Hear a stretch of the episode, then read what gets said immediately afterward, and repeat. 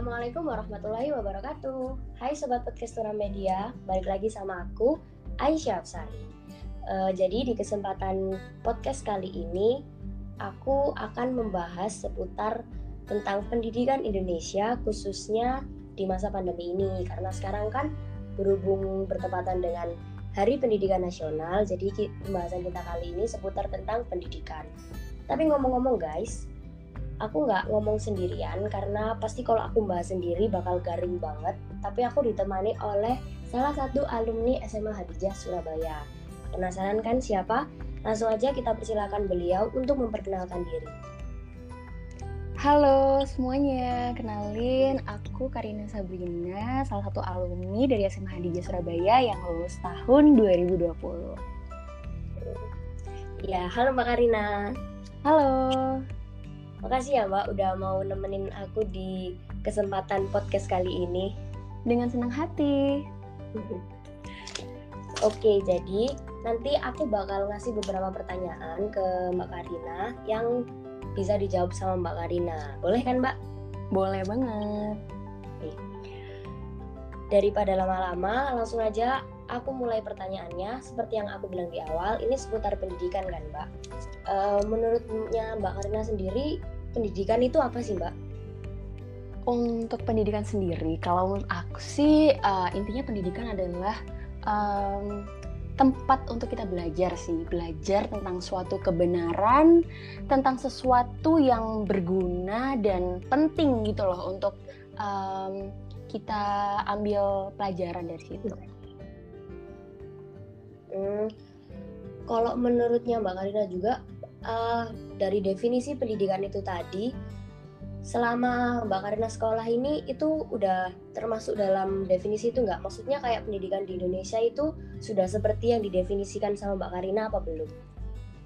Um, kalau bahas pendidikan di Indonesia ya, um, iya. menurut pendapatku sendiri sih um, lebih kayak ini sih ya yang perlu diperbaiki kayak lebih ke cara cara mendidiknya kayak gitu ya. Terus kayak uh, apa sih hal-hal menarik yang bisa buat um, tiga poin tadi yang udah aku sebutin tuh uh, benar-benar terwujudkan gitu loh. Jadi um, bukan menurut aku kayak pembelajaran tuh bukan yang um, satu fit uh, satu satu pihak aja ya. Jadi kayak butuh feedback gitu loh. Sebenarnya jujur kalau misalnya guru gitu ya atau karena aku kuliah dosen ya biasanya ya uh, kalau misalnya minta feedback gitu dari pembelajaran kadang-kadang tuh kayak masih ini sih masih belajar juga sih untuk memberikan feedback segala macam. Tapi uh, untuk impact yang aku rasain sendiri sih sebenarnya kalau ada feedback tuh jauh lebih enak gitu loh. Uh, jadi saling belajar dan saling koreksi gitu sih kalau di SMA Hadijah sendiri gimana? Gimana apanya nih? Menurutnya menurutnya Mbak Karina udah udah bagus nggak antara guru sama siswanya dari feedbacknya? Um, untuk feedback antar guru dan siswa sebenarnya uh, tergantung sih ya dengan masing-masing uh, karakter ya. dari dari dari siswanya atau dari gurunya gitu loh. Um, ya. Dan juga kadang-kadang tuh memang um, bagaimana kita um, apa ya bagaimana kita bersikap kepada guru itu juga kadang-kadang juga mempengaruhi nggak sih cara guru ya, juga mengajarkan kan gitu. Jadi um, ya memang apa ya um, mungkin namanya toleransi sesama kali ya itu juga perlu perlu sih itu biar pembelajaran itu kayak lebih asik enak gitu. Mungkin untuk anak-anak muda pengen pembelajaran yang lebih maksudnya nyantai tapi mudah ditangkap gitu loh uh, kan kadang kan guru juga suka kan ya kak kalau misalnya guru itu kayak di, dikasih pertanyaan kayak murid-muridnya tanya itu kan guru kayak lebih suka gitu kan ya kak. Mm -hmm. Oke. Okay. Jadi uh, aku mau tanya lagi uh, pendapatnya Kak Karina tentang UN kan sekarang diganti jadi AKM kan Kak. Jadi UN yang cuman ujian itu ujian yang berapa mata pelajaran itu kan sekarang udah diganti dengan AKM. Kalau menurutnya Kak Karina gimana sih efektif apa enggak? Oke, jadi tentang pendapat UN yang akan diganti sama AKM. Kalau UN sendiri itu kan biasanya dari empat uh, empat materi yang diujikan ya biasanya salah satu materi peminatan dari jurusan yang um, kita ikutin di SMA terus bahasa Indonesia bahasa Inggris sama matematika nah gimana sih um, kalau misalnya diubah jadi AKM yang ujiannya itu tentang literasi dan kemampuan matematika. Kalau aku sendiri aku sih setuju ya. Karena kalau untuk uh, materi UN yang biasanya uh, terdiri dari empat materi itu tadi, kadang-kadang tuh uh, untuk uh, teman-teman yang uh, orang tuanya uh, bisa memfasilitasi dirinya untuk ikut bimbel, ngasih banyak latihan-latihan uh, materi, ada tambahan les segala macam, itu mungkin bisa oke-oke aja ya, walaupun kadang uh, waktu di sekolah uh, kemampuannya maksudnya nggak yang terlalu uh, apa ya terlalu um, kayak bisa banget gitulah ya. Tapi dia punya uh, fasilitas untuk bisa belajar di um, kursus gitu kursusan les-lesan gitu coba kita bandingin sama teman-teman yang misalnya dia dari um, mohon maaf nih ya dari um, keluarga yang mungkin tidak bisa memfasilitasi dirinya seperti teman-temannya yang ikut les gitu kan. Nah otomatis kan um, cara dia buat bisa ngeraih ngeraih harapan UN gitu loh lulus UN itu kan ya sebenarnya kalau dilihat dari sisi itu nggak nggak nggak begitu sebanding kan ya. Jadi effortnya dia harus banyak belajar sendiri cari-cari informasi sendiri gitu kan. Terus kalau diganti dengan AKM sendiri kalau aku sendiri setuju ya. Karena uh, untuk latihan literasi nih misalnya ya. Aku sendiri yang baru dari SMA pindah ke kuliah nih banyak sih yang um, kemampuan literasi yang yang bener-bener apa ya di, diminta gitu loh. Diminta dari um, pengajar gitu kan. Nah uh, dari situ sih sebenarnya nanti uh, teman-teman yang ikut ujian literasi gitu ya kemampuan literasi kemampuan matematika menurut aku nanti jadinya mereka terlatih gitu loh. Kayak misalnya terlatih untuk menulis gitu kan. Terlatih untuk bisa bicara uh, mempresentasikan sesuatu gitu.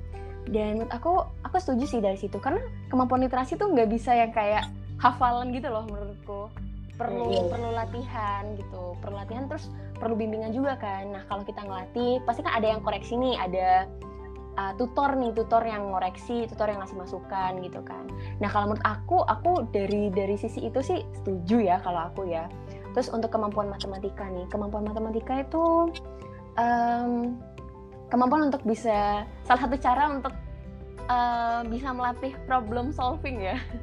Walaupun sebenarnya matematika tuh ya ya membingungkan gitu kan. Kadang juga uh, bikin greget gitu lah ya. Dengan berbagai uh, rumus ini itu yang mungkin bikin bikin bingung gitu kan. Tapi dari situ sebenarnya kita bisa belajar problem solving sih menurut aku uh, kayak misalnya banyak jalan menuju Roma gitu kan matematika juga ngerjainnya nggak cuma dengan satu jalan kan misalnya uh, awalnya ada temen yang ngerjain dengan jalan A tapi dengan jalan B juga bisa kok gitu loh dan nggak salah gitu loh untuk memilih jalan yang mana pun gitu. Jadi kalau aku sendiri sih pendapat aku setuju sih gitu. Oke setuju. Uh, ngomong-ngomong nih ya kak tentang matematika tadi. Kak Karina setuju nggak dengan statement anak pintar itu yang bisa matematika? Soalnya kan ada tuh kan kak, anak yang contoh ahlinya di bidang bahasa Inggris, tapi berhubung dia nggak jago di matematika, jadi teman-temannya bilang kalau dia itu nggak pandai, nggak pinter gitu kan. Ada kan kak? Dan hmm. aku, hmm. dan aku itu salah satunya kak, aku nggak jago di bidang hitung-hitungan. um, enggak lah ya, kalau menurut aku enggak lah.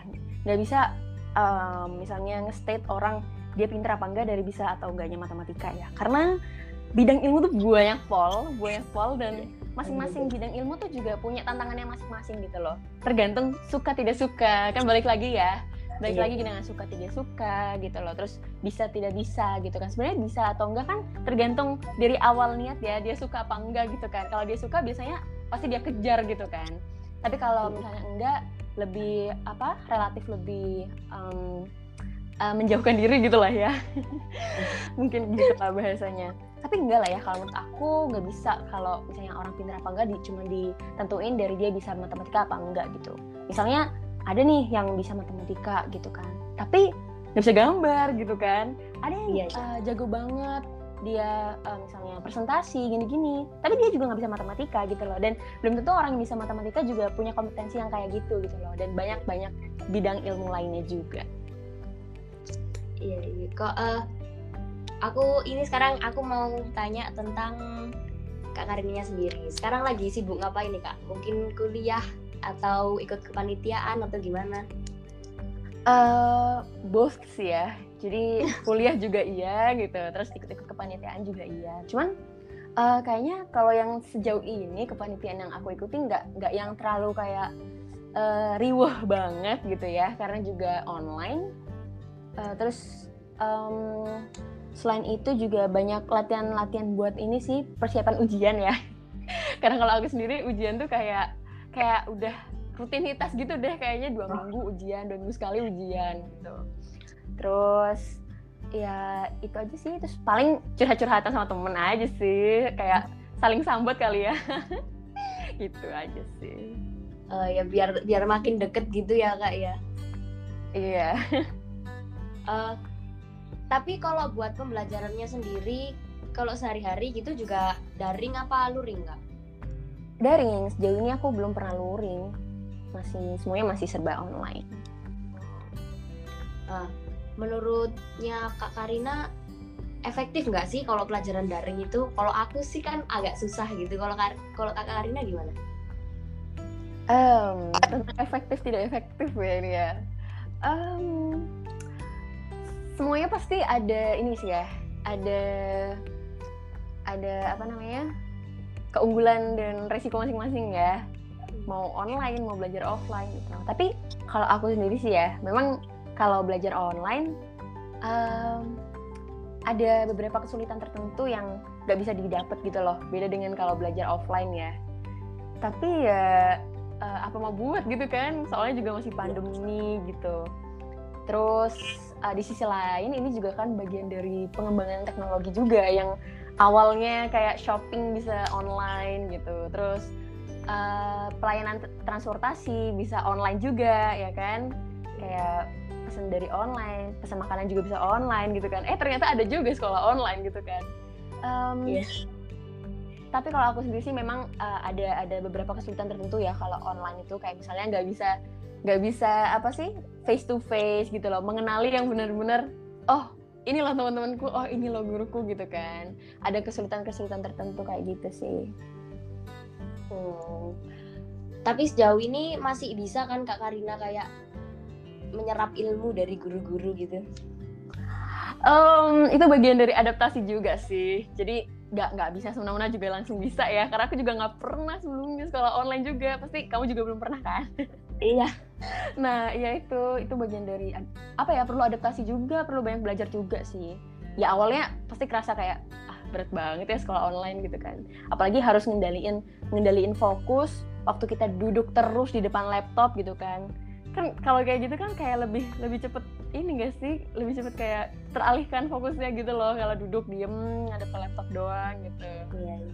apalagi biasanya aku kalau uh, ini dengan satu kelas tuh banyak banget isi isi muridnya gitu jadi ya mm, adaptasi sih adaptasi sih harus banyak adaptasi iya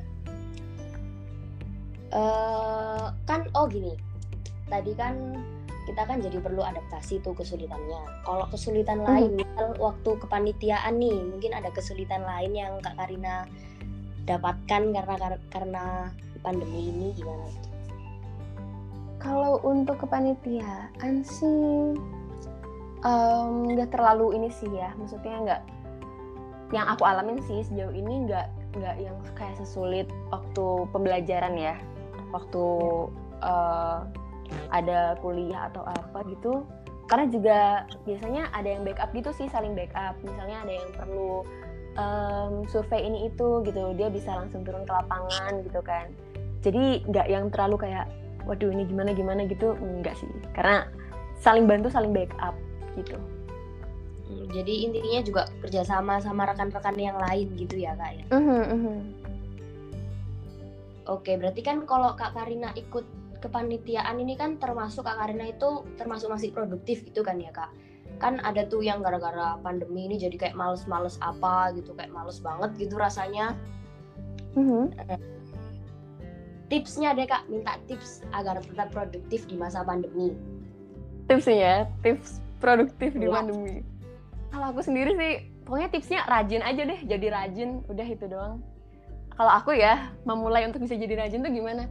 ya aku uh, mandi gitu. Kalau udah mandi tuh kayak rasanya seger gitu. Semua penat hilang dan bisa mulai mulai sesuatu tuh uh, lebih fresh lagi gitu. Jadi rajin aja sih. Kalau jadi rajin kayak serba-serbi ada apa ada apa gitu diniatin ngerjain aja gitu. Beda dengan kalau aku jadi mager-mageran gitu, ah hancur deh. Tapi kalau Kak Karina sendiri pernah nggak ngerasa kayak mager banget gitu?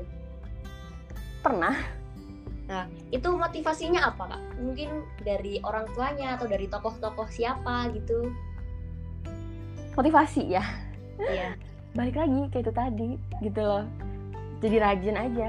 Jadi rajin tuh balik dari panggilan ini ya panggilan hati ya. Iya. kalau aku uh, ah masa gini-gini terus sih.